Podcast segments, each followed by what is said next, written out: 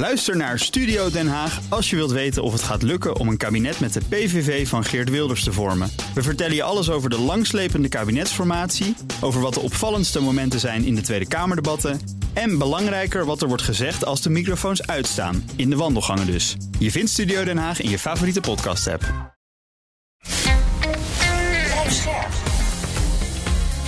BNR Nieuwsradio. Boekenstein en de Wijk. Hugo Reitsma. Welkom bij Boekenstein en de Wijk. Het is woensdag, dag 630 van de oorlog in Oekraïne. Dag 40 van de oorlog tussen Israël en Hamas. En ik stel voor dat we bij dat laatste beginnen. En dan het Al-Shifa ziekenhuis, hè, waar we het al veel over hebben gehad. Dat, als ik het goed begrijp, nu eigenlijk is ingenomen door het Israëlische leger. Ja, dat uh, begrijp ik ook. En uh, ik heb ook gezien wat John Kirby, dat is de woordvoerder van uh, de Verenigde Staten, heeft gezegd. Die zegt, ja, dat ziekenhuis wordt daadwerkelijk gebruikt voor commandovoeringszaken door Hamas. het is een commandopost. het wordt gebruikt voor als munitiedepot. Uh, en dat is gebaseerd op onze eigen inlichtingen, niet die van Israël, maar dat hebben we zelf kunnen waarnemen. Hoe weet ik niet.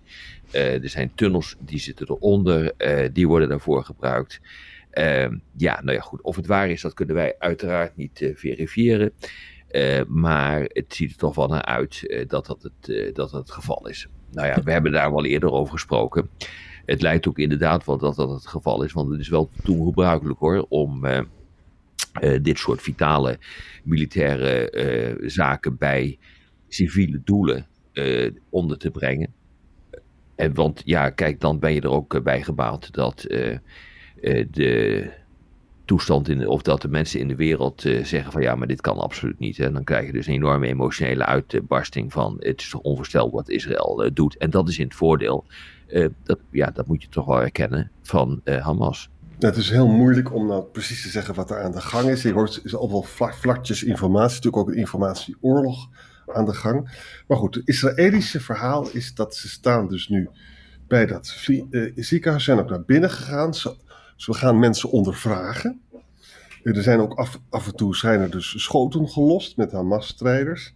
Uh, ze lopen van het ene uh, ziekenhuiskamer naar de andere en de patiënten die kijken een beetje angstig om zich heen. Hè. Uh, Israël spreekt over targeted operations. Hè? En ze hebben dus ook couveuses bij zich voor de babytjes. Ze hebben Arabische tolken, medisch personeel en medicijnen. Maar tegelijkertijd is de communicatie dus uh, totaal kapot. Dus we weten gewoon niet zo goed wat daar gebeurt. Het is wel een ongelofelijke operatie. Hè? De Verenigde Naties zag ik schatten dat er zo'n 2300 mensen in dat ziekenhuis zitten. En dan moet het leger dat dus binnenvallen en dan op zoek naar Hamas-strijders. Dat, dat, dat, kan me er niet goed een voorstelling van maken.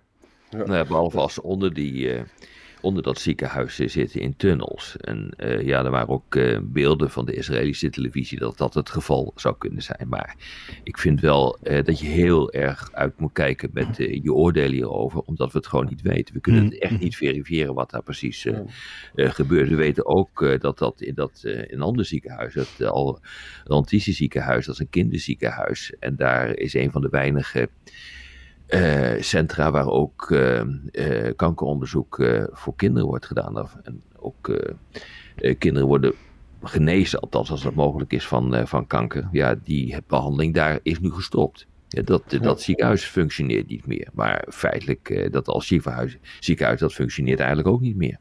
Dus veel kritiek mogelijk op Hamas en ook op Israël, wat onder meer ook gebeurde in een opmerkelijk uitgelekte memo van de Nederlandse defensieattaché in Israël. Hè? Ja, daar moeten we misschien toch even aandacht aan besteden.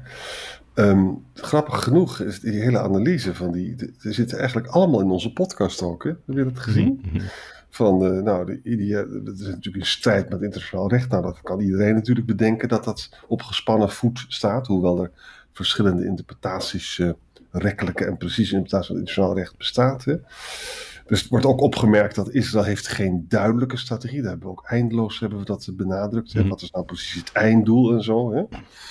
Um, en verder zeggen ze ook van ja, luister, is, het is heel begrijpelijk dat je definitief wil afrekenen met Hamas na al die vreselijke pogromachtige activiteiten. Maar ja, dat kan militair, is dat misschien uh, wel onmogelijk, hebben we ook uh, gezegd. Hè? En ook het punt van een beleid dat ingegeven wordt alleen door wraakgevoelens, is natuurlijk nog geen uh, intelligent beleid. Nee, dat is vaak helemaal geen goed beleid zelfs. Maar ja. Dus dat, eigenlijk... Dat, dat verblindt, dat verblindt. Ja. Dus de defensieattaché zit gewoon erg goed naar onze podcast te luisteren. Ja, misschien wel. Maar goed, dit kan iedereen wel bedenken. Ik bedoel, ja. de mensen gaan niet voor niks de straat op. Hè. Als ik even kijk wat er op dit ogenblik ook in Amerika gebeurt, is ook wel opmerkelijk. Uh, 500 anonieme mensen hebben, uh, ambtenaren moet je zeggen, dat zijn vooral politieke benoemingen, die hebben hun handtekening onder een uh, brief gezet. Ja uit 40 onderdelen van de administratie, de Amerikaanse administratie, dat dit wat er nu gebeurt veel te ver gaat. En eh, dat er eh, wordt opgeroepen voor een staakt het vuren. Dat zal ook eh, niet snel gebeuren, maar het gebeurt toch maar. duizend ondertekenaars van USAID die zeggen dit gaat te ver. Ja jongens, dit is, mm dit is wel betekenisvol hoor. En dat is ook een grote druk op de Biden-administratie. En het verbaast mij helemaal niks dat Biden iedere keer zegt van kijk een beetje uit met wat je aan het doen bent Israël. Uh, want die, die burgerdoden, dat gaat uiteindelijk gaat dat gewoon tegen je werken. Ja, hij zal ook kijken naar een uh, peiling vandaag gekomen van Reuters en Ipsos, waaruit blijkt dat de Amerikaanse publieke steun ook voor uh, de Israëlische oorlog afbrokkelt. 68% vindt dat een uh, staakt het vuur moet komen. 32% stelt dat de VS Israël moet blijven steunen. En dat was een maand geleden nog 41%. Dus je ziet ja. dat uh, dalen. Ook interessant, moet later vandaag nog blijken, komt een resolutie in stemming in de VN-veiligheidsraad die oproept tot een onmiddellijke en langdurige humanitaire gevechtspauze. En daarvan wordt gezegd dat hij het wel eens zou kunnen halen. Dat hij dus uh, niet getroffen zal worden door een veto van de Verenigde Staten. Ja, dat is interessant. Ja. Het is echt interessant. Amerika is echt aan het verschuiven hoor. Ja, is echt aan het verschuiven. Biden zegt vanaf maandag ook van beschermde ziekenhuizen. Even nog één puntje uit die, van die defensieattaché. Hij refereert ook aan die beroemde Dahia-doctrine. Dat was al in Libanon 2006. Waarbij dus een enorme vernietiging van de infrastructuur en de civiele centra ook een onderdeel was van van het beleid, zeg maar. Hè. Wij hebben ook op, opgemerkt, weet je nog hoe vreselijk, een hoog percentage van de gebouwen in Noord-Gaza, die staan gewoon niet meer overeind. Hè? Ja. Was, dat, was dat niet 40% of zo op? Ik weet het niet meer. Tegen de 40%, ja. Ja, dus ja. ongelooflijk hoog. En je kan je voorstellen, is dat nou nodig? Of kan, nou ja, kan dat weet je, ik, het is interessant, hè? Dus helemaal in het begin hebben we gezegd, hebben we het over gehad, uh, dus de dagen na, uh, wat is het, 7 oktober. Toen heb ik gezegd van als je dit dus echt goed wil doen, en als je wil doen wat Israël zegt dat, je, dat ze gaan doen, dan moet je de hele zaak plat gooien. Uh, wat er toen gebeurde, wat, vond ik wel interessant op, op X maar ook op allerlei andere sociale media. Daar werd gezegd: ja, nee, dat gaat absoluut niet gebeuren. Want Israël is een democratie en dat is een beschaafd land. Die gaat dat niet doen. Dit is geen Rusland. Toen heb ik ook die uh, relatie getrokken met wat er is gebeurd aan het eind van de jaren 90, begin 2000 uh, in Grozny door de Russen. Uh, ja, het lijkt er toch verdomd veel op dat dat toch is gebeurd in die richting. En dat verklaart denk ik ook waarom we nu al die protesten krijgen in de wereld.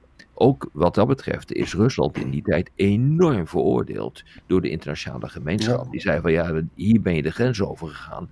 Uh, en hier zijn de mensenrechten, uh, zijn, de humaniteit is op, op grote schaal uh, geschonden. En dat zie je dus nu gewoon gebeuren met betrekking tot Israël. Dus ze bewijzen zich ook met deze strategie geen dienst. Terwijl ik me nog steeds afvraag wat nou precies de strategie is. Exact. Ik denk dat we even door moeten naar de andere oorlog. Ja. Dag 630 daar alweer. En ik lees over van Russische kant opgevoerde gevechten. Ja, aan alle kanten. En dat gaat dus wel heel hard. Het lijkt wel of het front gewoon in tweeën is uh, gedeeld. Uh, laten we zeggen, alles uh, rond Bakmoed en daarboven een klein beetje naar beneden ook. Daar zijn de Russen enorm in het offensief en maken, ook overal wat vorderingen.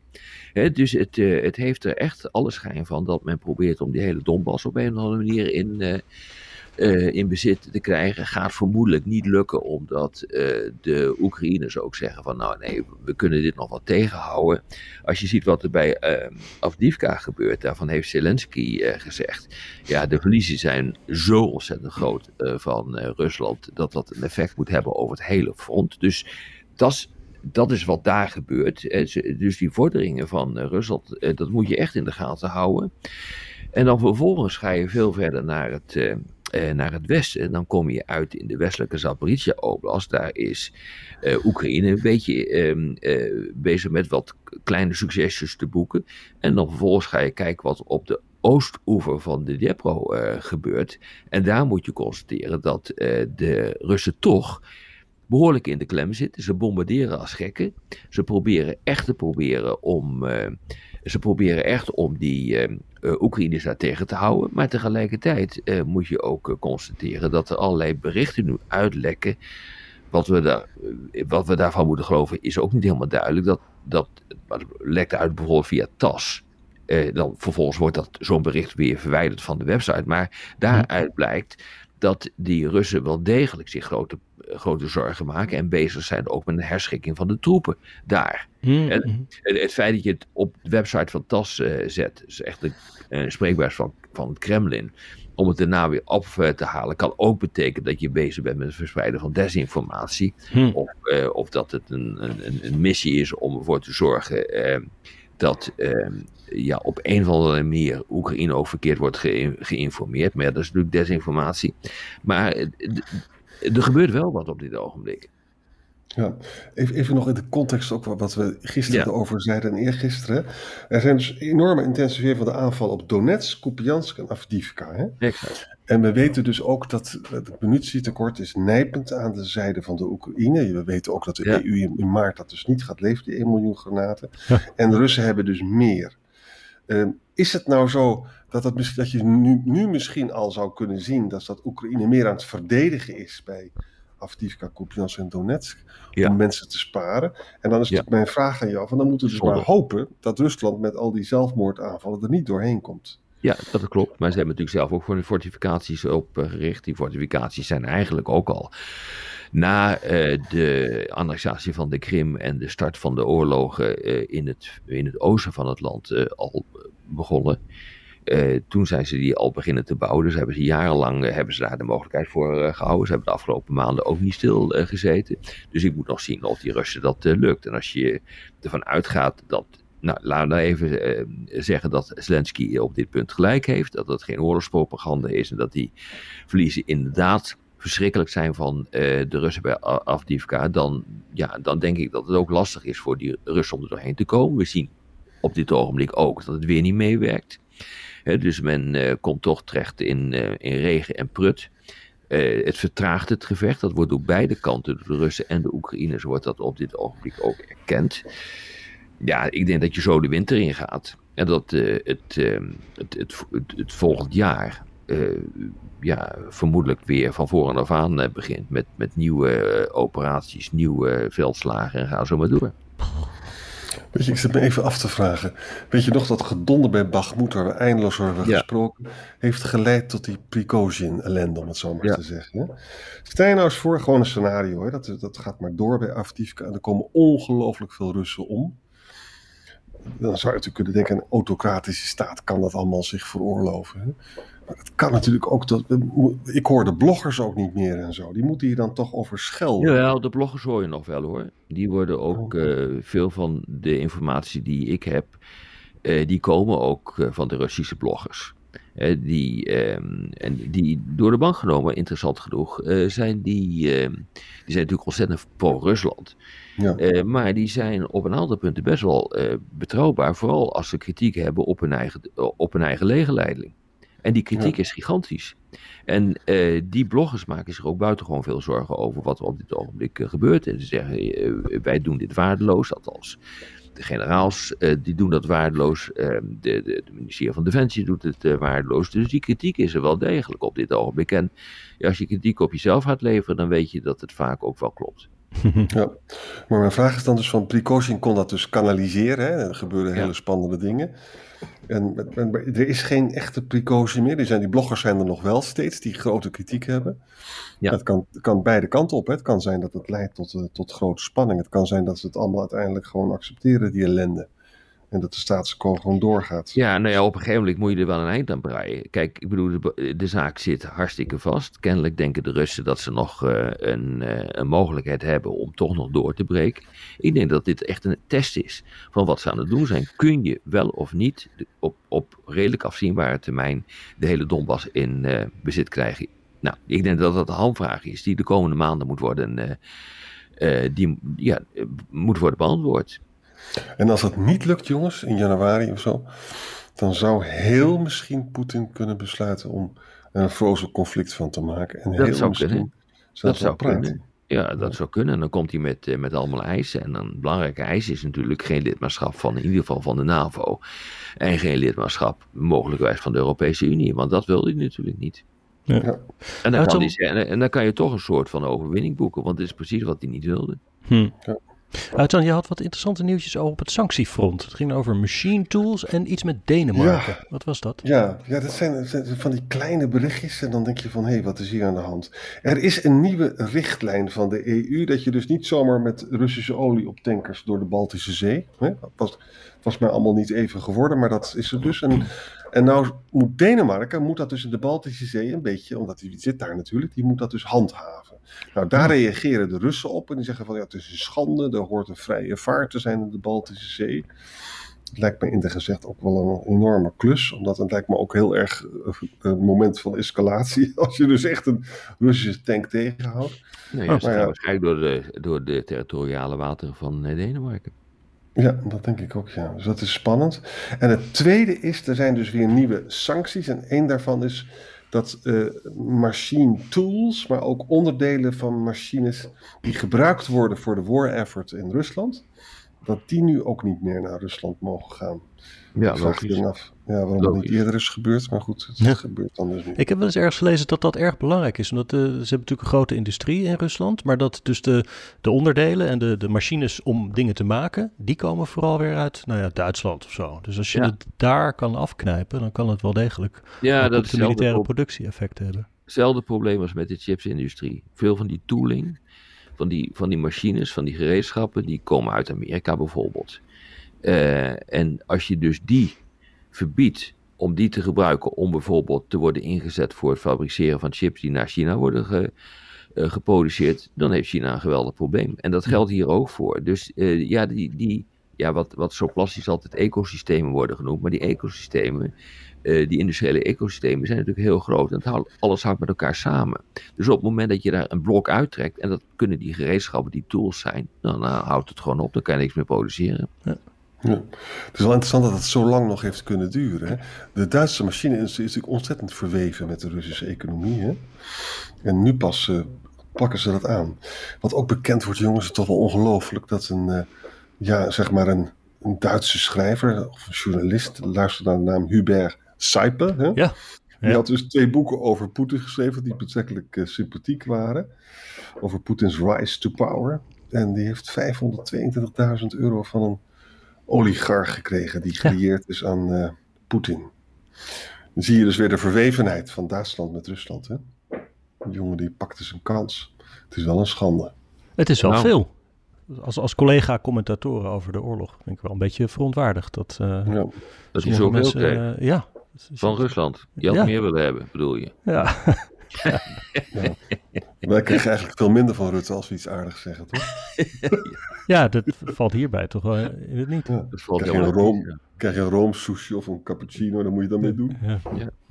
ja. Hey, we moeten nog eventjes, dat uh, moet volgens mij formeel nog beginnen maar kijken naar de APEC Summit in Californië. Daar komt uh, de Chinese president Xi en die gaat daar praten met Biden. Voorafgaand aan die top is al bekendgemaakt dat China en de VS beloven nauwer te gaan samenwerken tegen uh, de opwarming van het klimaat. Dus dat is ja, al één dat ding. Is, uh, dat is heel erg mooi. Ja, en wat, wat ze natuurlijk ook proberen te doen is om de militaire spanningen zoveel mogelijk te vermijden en te verminderen. Want dit gaat natuurlijk gewoon niet goed wat hier, ja. wat hier gebeurt. dit is ernstiger dan de confrontatie die er was tussen de Verenigde Staten en, uh, en de Sovjet-Unie. Dit is waarschijnlijk de grootste machtsstrijd uit, nou, misschien wel uit de geschiedenis. Hier heb je twee landen die tegenover elkaar staan, die gelijkwaardig zijn. He, bij uh, de Sovjet-Unie was natuurlijk een dwerg als het ging om economische macht en ook om inwonersaantallen. Dat, dat dat, die konden vergelijking niet maken met, uh, met de NAVO. Maar, maar dat geldt niet voor China. Op alle mogelijke fronten is China bijna gelijkwaardig aan Amerika. Dus dat is echt een titanenstrijd. Ze hebben ook de militaire telefoon, weet je wel. De, als ze de crisistelefoon De hotline heet zo'n ding. Ja. De hotline, ja, dat is het woord. Dat hebben ze hersteld. Ja. Heel verstandig. Ze spreken over de Oekraïne, ze spreken over het Midden-Oosten, ze spreken over de banden van Noord-Korea met Rusland, over Taiwan, over mensenrechten, zelfs over AI. En ook nog eens een keer over China schijnt dus uh, uh, grondstoffen te leveren voor fentanyl, dat dan weer in Mexico wordt gemaakt en dat weer een bijdrage levert aan die enorme drugscrisis ja. in, in, Amerika. Dus daar wordt dan, en nou is China beloofd to crack down, weet je wel, op die jongens die dat dan, die Chinese kartels die die grondstoffen leveren. Ja, dus er is wel echt de intentie, lijkt het, van beide kanten om de relatie een beetje uh, ja. van vangrails te voorzien. Ja, dat hebben we eigenlijk al geconstateerd op het moment dat Yellen een aantal maanden geleden, dus de minister van Financiën, naar uh, China afreisde. En allerlei diplomatieke contacten begonnen toen uh, geïntensiveerd uh, te worden. Uh, en dat gaf eigenlijk al bij ons ook de aanleiding om te denken van nou, op, men ziet dat dit zo niet verder kan en men moet wel een beetje deescaleren. En dat is nu wat er gebeurt, denk ik. Ja, ik las ook in het kader hiervan dat de hoogste Amerikaanse generaal, Chief Defense Staff, die is dus in China geweest, hè, Brown, en die zegt van nou, ik, ik, ik geloof niet dat uh, Xi op het punt staat om uh, Taiwan aan te vallen. En het schijnt ook zo te zijn dat de Biden-regering heeft gezegd aan alle experts: houd toch eens op met al die voorspellingen, dat, want dat maakt alleen maar de, de spanningen hoger. Hè? Ja. Ja. Dus, uh, dus, dus, dus, ze zijn echt een beetje bezig om, te de, om zeg, een detente te zoeken. Nou, detente is een groot woord. Ook. Maar dat heeft ook te maken met het feit dat dit echt een titanengevecht is. En dat als het uit de klauwen loopt, dan uh, kun je allemaal wel inpakken hier. Dan hebben we ook geen discussies meer over bestaanszekerheid in Nederland. Als, dat gebeurt, als ik dat even mag zeggen. Ja. ja. Maar, maar kijk, wat ook wel prettig is, is uh, die discussie over het klimaat. Ik bedoel, ja. daar gaan wij niet echt over bij Boekenstein en de Wijk. Maar dit is wel belangrijk, want uh, dit zijn de twee grootste vervuilers van de wereld. Ja. China die wilde ook niet meedoen aan de reductie van methaan. Wat dus echt een agressief uh, uh, goedje is en enorme impact heeft op uh, de klimaatverandering. Um, het zou best kunnen zijn dat ze nu wel mee gaan doen. Dus daar hm. zit nu echt iedereen naar te kijken. Ja. Weet je, het zou wel eens kunnen zijn dat het Arabisch-Israëlische conflict, dat iedereen natuurlijk dwars zit. Hè? Dat ja. ze daar, daar, daardoor nog meer een reden hebben om een beetje rustig aan te doen met z'n tweetjes zijn een beetje te veel crisis tegelijkertijd. Ja, exact. exact. Vind ik ook. Oké, okay. uh, VS, China houden we in de gaten. Veiligheidsraad moeten dus ook nog eventjes bezien wat daar gebeurt. Voor vandaag, bedankt. Tot morgen. Tot morgen. Ook Diana Matroos vind je in de BNR-app. Ja, inderdaad. Je kunt live naar mij luisteren tijdens de Big Five. Ook handig in de BNR-app. Breaking nieuwsmeldingen, maar ook het allerlaatste zakelijke nieuws. En je vindt in de app alle BNR-podcasts, waaronder Wetenschap Vandaag. Download nu de gratis BNR-app en blijf scherp.